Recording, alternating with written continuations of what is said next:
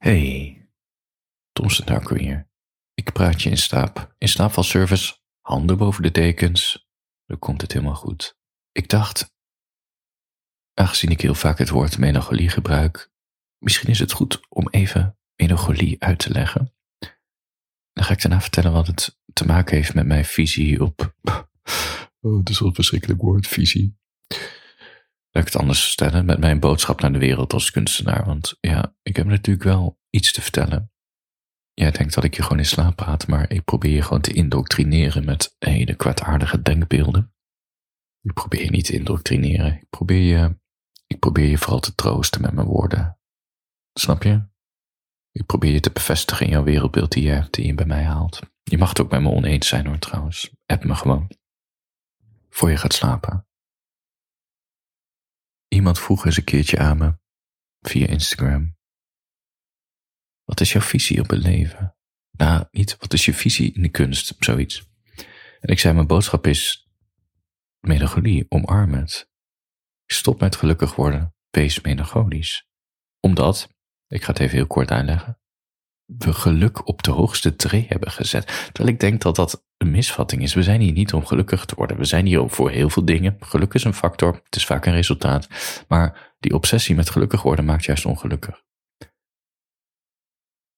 Het leven kent ook veel tegenslag. En dat levert ongelukkige gevoelens op. Maar er is niks mis mee. Die periodes maken we allemaal mee. Omarm die melancholie.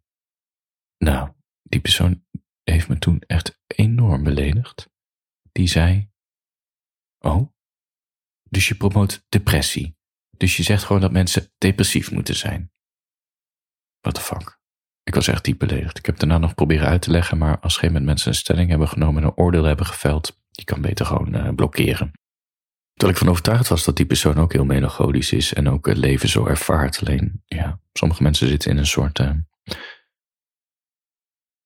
weerstand of zo. Ja, stom woord. Maar ja, je snapt me wel. Voor je gaat slapen. Ik wil eerst het woord melancholie uitleggen, want het is, het is een complex woord. Het, is, het, is, het verandert, de betekenis verandert ook elke eeuw. Het wordt gekoppeld. Eh, ik ga het gewoon uitleggen voor je gaat slapen. Melancholie is een verzamelnaam voor verschillende gemoedstoestanden met als grootste overeenkomst verlies. Ik ga het nog een keer herhalen. Melancholie is een verzamelnaam voor verschillende gemoedstoestanden met als grootste overeenkomst verlies. Verlies van identiteit, verlies van een persoon, van een gevoel, van je jeugd. Snap je? Verlies. Ieder mens zal op een dag geconfronteerd worden met verlies. En dan echt die, de grotere thema's van verlies. Dierbare, energie, zingeving, hoop, ambitie, fitheid. En dit besef van dat verlies, dat veroorzaakt dus die complexe gevoelens en gedachten in ons, waar we best moeilijk duiding aan kunnen en durven te geven in taal. En deze toestand, waar iedereen op een moment in komt, die laat zich het beste omschrijven als melancholie. En dat is een woord met meerdere lagen. Je kan melancholie, melancholie uitleggen als een stemming, dus je melancholisch voelen. Het is een gevoel als reactie op verlies. En het is ook een ziekte. Het wordt vaak, en daarom snap ik die persoon wel, die me zo diep beledigde. Uh, ze omschreven, weet ik veel, honderd jaar geleden nog, uh, melancholie werd nog met met depressie, uh, laat zeggen, in één zin genoemd. We kijken nu iets anders ernaar. Dat is sowieso fascinerend hoe we al die ziektes nieuwe namen voor verzinnen op een andere manier uiten. Maar je kan nog steeds melancholie koppelen aan een ziekte, zoals depressie. Maar het is niet depressie. Melancholie voelen is wat anders dan depressief zijn. Ik kan het weten, want ik ben sowieso een ervaren melancholicus. Zo loop ik door het leven, zo lopen heel veel kunstenaars door het leven. Maar ik heb ook verschillende periodes van depressie gekend in mijn leven. En depressie is, ja, het is echt wat anders dan melancholie. Maar er zit gewoon een enorme kloof tussen die twee. Maar er zit wel een brug tussen die twee, snap je? Ophaalbrug weliswaar, maar die twee zijn niet hetzelfde. Goed. Melancholie verrijkt je leven, depressie niet. Depressie is gewoon, gewoon zwaar kut. Gewoon kut. Kut, kut, kut, kut, kut. Het is uh, fysiek, mentaal, het is alles, uh, het is gewoon kut.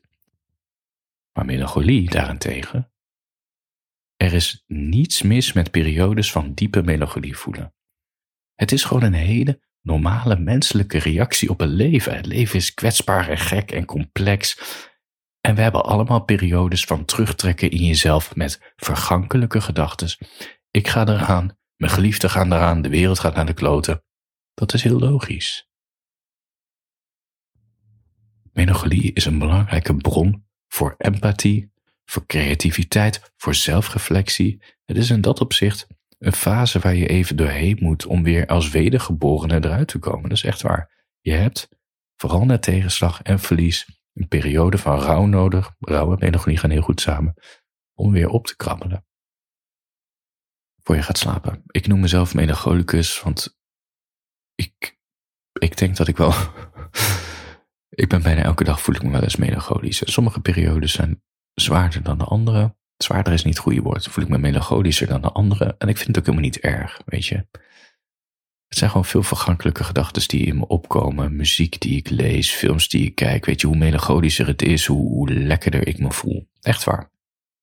En het, het inspireert me enorm. Want ik vind het leven, weet je, er zit veel tragiek in het leven. En dat is waar ik over schrijf. Maar ik weet tijdens zo'n periode ook niet precies te omschrijven van wat ik dan verlies. Nee, sorry, wat, ja. En dan moet ik denken aan eh, Freud, Freud, Freud, hoe heet die vent? Die uh, Oostenrijker. Die omschreef melancholie als verlies van iets waarvan je niet weet wat het is. Nou, daar heb ik heel vaak last van. Veel kunstenaars en wetenschappers hebben hun beste werk afgeleverd na periodes van diepe melancholie. Dat moet je echt beseffen. En ik ga nu even wat namen noemen. Kafka, Darwin, Wittgenstein, Schopenhauer, Sylvia Plath, Marcel Proust, Virginia Woolf. Heel veel mensen, en ook in de hedendaagse wereld, hebben last van diepe melancholie. En het is heel normaal om vergankelijke gevoelens te hebben. Het wordt alleen, het botst alleen omdat we continu geconfronteerd worden met gelukkig worden. Het zit in de reclames. Het zit in al die, ja, nou ja, open Twitter of YouTube of, of Instagram en al die quotes gaan over zelfgroei en de beste versie van jezelf worden. Het zit enorm in het aspect gelukkig worden. En het slaat dat andere aspect over, terwijl die twee dingen, ze zijn eeuwig, ze zijn gelijkwaardig in het leven. Het kan niet, de zon kan niet altijd schijnen. Weet je, kijk naar het weer. Het kan niet altijd. Het zal niet altijd regenen. Het zonnetje zal niet altijd stralen. Weet je, na zonneschijn komt regen. Sowieso. Na regen komt zonneschijn. En na zonneschijn komt regen. Zo is het leven. Zo zijn onze gevoelens. Melancholie is gewoon onderdeel. Melancholie heeft twee extremen in zich. Aristoteles, oude Griek, die noemde de, de melancholische toestand, uh, die, die vond het wat weg hebben van genialiteit. Die zei, de bekendste quote is, alle geniale mensen zijn melancholici. En dat komt omdat je verbanden ziet die je normaal niet zag. Dus die, die treurige gevoelens die je hebt, die zorgen ook dat je zaken in perspectief ziet. Dat je ziet van waar het wel en niet gaat om het leven. Dat we hier maar even zijn, dat het sneller voorbij is dan je denkt. En dat geeft ook weer, dat geeft, dat geeft richting. Je snapt de hardheid en schoonheid van het leven. Je krijgt inzichten die bijna spiritueel aanvoelen. En je levert werk af waar je niet had gedacht dat je dat kon. Dat is, dat is de invloed van melancholie op de genialiteit. Maar er zit ook een hele destructieve kant aan melancholie. En dat is die kant die je echt in een depressie kan trekken. Dus het, het is een zwaard met twee. Hoe gaat het gezegd eigenlijk? Een zwaard met twee bladen? Verzin ik nou een gezegde? zwaard met twee kanten. Het mes snijdt aan twee kanten. Misschien is dat het. Het zwaard snijdt aan twee kanten. De andere kant van melancholie is waanzin, zelfvolging, zelfdestructie. In de middeleeuwen koppelden ze dit aan um, de wolfman. Fascinerend. Dat was een soort, weet je, in de middeleeuwen praten ze sowieso wat meer in symboliek. De wolfman, als je last had van, ja, een beetje dierlijke zelfdestructie actieve gevoelens, dan zeiden ze, je bent een wolvenman. Je moet het niet verwarren met de weerwolf, al zijn er wel verbanden tussen die twee. De wolvenman, dat is een tragisch en eenzaam figuur die andere mensen gaat vermijden. Het is het liefst actief in de nacht en in het donker en het heeft zo'n ontembare honger. naar seks, naar zuipen, naar manisch janken en schreeuwen om, om die grote angst in je, die demonen in je de baas te worden. Dat is ook melancholie. Het is de dark side, laat me zeggen. Voor je gaat slapen. Melancholie kent vele gevoelens. Ik ga er een aantal opnoemen en misschien herken je ze. Niet aanwezig zijn in de wereld, melancholie. Zwaarmoedigheid, dat is melancholie. Overgevoeligheid, ook een kenmerk van melancholie. Onverschilligheid, melancholie. Neerslachtigheid, rusteloosheid, vermoeidheid, onzekerheid, somberheid, verveling, angst. Het zijn allemaal emoties die je kan koppelen aan de melancholie. Voor je gaat slapen. Wat ik zo fascinerend vind aan melancholie is, is sowieso dat het twee kanten heeft. En dat het ook samenvat wat het leven is. Het leven kan niet alleen gelukkig zijn, het leven kan niet alleen ongelukkig zijn. Je kan van iets, haat, je kan van iets houden dat je haat. Je kan gelukkig zijn terwijl je je tegelijkertijd ongelukkig voelt. Je kan met tranen in je ogen glimlachen. Dat is voor mij melancholie. Die dubbele laag, die grijze, dat grijze ding. Ik zag op tv, ik weet echt niet meer wat het was, maar het ging over. Ze interviewden mensen die misbruikt waren. En er was een of andere vraag werd gesteld of diegene die misbruikt was door de pa of de stiefpa in de jeugd, het was allemaal heel gruwelijk en houd je van je pa. En die persoon die misbruikt was, die ondertussen al, uh, weet ik veel, ergens in de 40 of 50 was, die zei, ja, dat is iets wat veel mensen niet begrijpen, maar ondanks alles wat me is overkomen, wat me is aangedaan, houd ik nog steeds van de misbruiker. Dat is melancholie. Dat is de complexiteit van het leven. Dat je door iemand zwaar getraumatiseerd kan zijn en tegelijkertijd ook nog steeds liefdevolle gevoelens hebt. Je kan hier een oordeel over hebben. Je kan er heel veel rationele argumenten voor verzinnen waarom het waar of niet waar is. Maar dit is melancholie die zich bijna niet laat uiten. Dit is, dit is het leven, die dubbele gevoelens die je eigenlijk niet mag hebben, maar je hebt ze. Dus ja, we kunnen hele theorieën erop loslaten van Stockholm-syndroom tot weet ik veel wat. Doesn't matter. Melancholie. Voor je gaat slapen. Ik ben ervan overtuigd dat, dat je na periodes van diepe melancholie je daadwerkelijk als een ander mens eruit kan komen. Niet alleen de relatie met jezelf is veranderd, maar ook de relatie met de wereld om je heen is veranderd. En het is het meest hoopvolle wat je uit deze donkere periodes kan halen. Het is echt hoopvol. Maar ik ga toch die kanttekening plaatsen. Die zwarte kant van melancholie die is ook heftig, want die kan je echt in een depressie trekken. En dat is geen pretje. Dat is zeker geen pretje, maar ook daar zul je uiteindelijk uitkomen.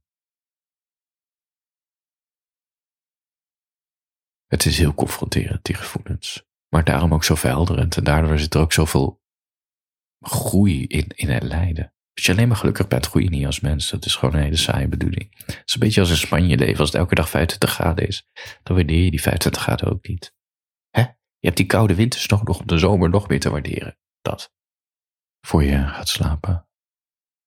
Ik ben ervan overtuigd, mijn visie in mijn kunst is melancholie. Die dubbelheid. Dat die donkere kant je ook kan helpen. Dat we allemaal die treurige gevoelens hebben, terwijl we ook blij zijn dat we, dat we dingen doen die, die eigenlijk niet mogen, maar we doen het toch, weet je, melancholie. En een manier, laat ik het anders zeggen. Als jij een kunstenaar bent, levenskunstenaar, je creëert zaken, er zit iets in jou verborgen. Jij kijkt de wereld op een hele unieke manier en dat is waar jouw kunst over gaat. Alleen het is heel moeilijk als kunstenaar om erachter te komen, want je weet het eigenlijk niet. Maar er zijn heel veel aanwijzingen dat er in jou een boodschap zit waar al jouw kunst over gaat. Een van die aanwijzingen is je favoriete film, je favoriete boek, je tv-series. Dat waar jij op aanslaat, al die dingen die hebben iets in de kern gemeen met hoe jij naar de wereld kijkt en wat jij te vertellen hebt in de wereld. Bij mij is dat melancholie. Ik sla enorm aan op melancholie. En mijn favoriete film is een. Uh, ja, volgens mij is het echt een mannenfilm, maar er zit wel wat melancholie in verborgen. Dat is een Duitse film uit begin jaren tachtig over soldaten op een onderzeeboot, het heet Dasboot. En ik kan je heel goed vertellen waarom deze lievelingsfilm iets zegt over hoe ik naar de wereld kijk. Petjeaf.com slash Abonneer je krijg je elke dag een mailtje van me. En je kan naar deze extra uitleg luisteren in je oor. En sowieso kan je al mijn spraakberichten eerder horen. Je krijgt langere versies, extra delen. Gewoon te veel voordelen om op te noemen. Het verrijkt je leven. petjeaf.com slash Voor je gaat slapen wil ik nog één klein verhaaltje voorlezen. Misschien dat ik het in het verleden al eens een keertje heb voorgelezen, maar ik doe het gewoon nog een keer. Dat heet Je bent niet je dieptepunt. Je hoeft niet dankbaar te zijn voor je verleden, want dat is het bijzondere. Het was je persoonlijkheid die je er doorheen heeft gesleept, niet de nare ervaringen. Vele mensen zullen nooit weten hoe ze zich zullen gedragen in tijden van crisis. Jij wel. En dat maakt je een oude ziel. Tuurlijk, je hebt vele fouten gemaakt, maar je doorzettingsvermogen heeft je al die levenslessen gegeven, niet je trauma. Het is stom om te zeggen, maar je bent niet je dieptepunt. Hartjes boven de tekens. Slaap lekker.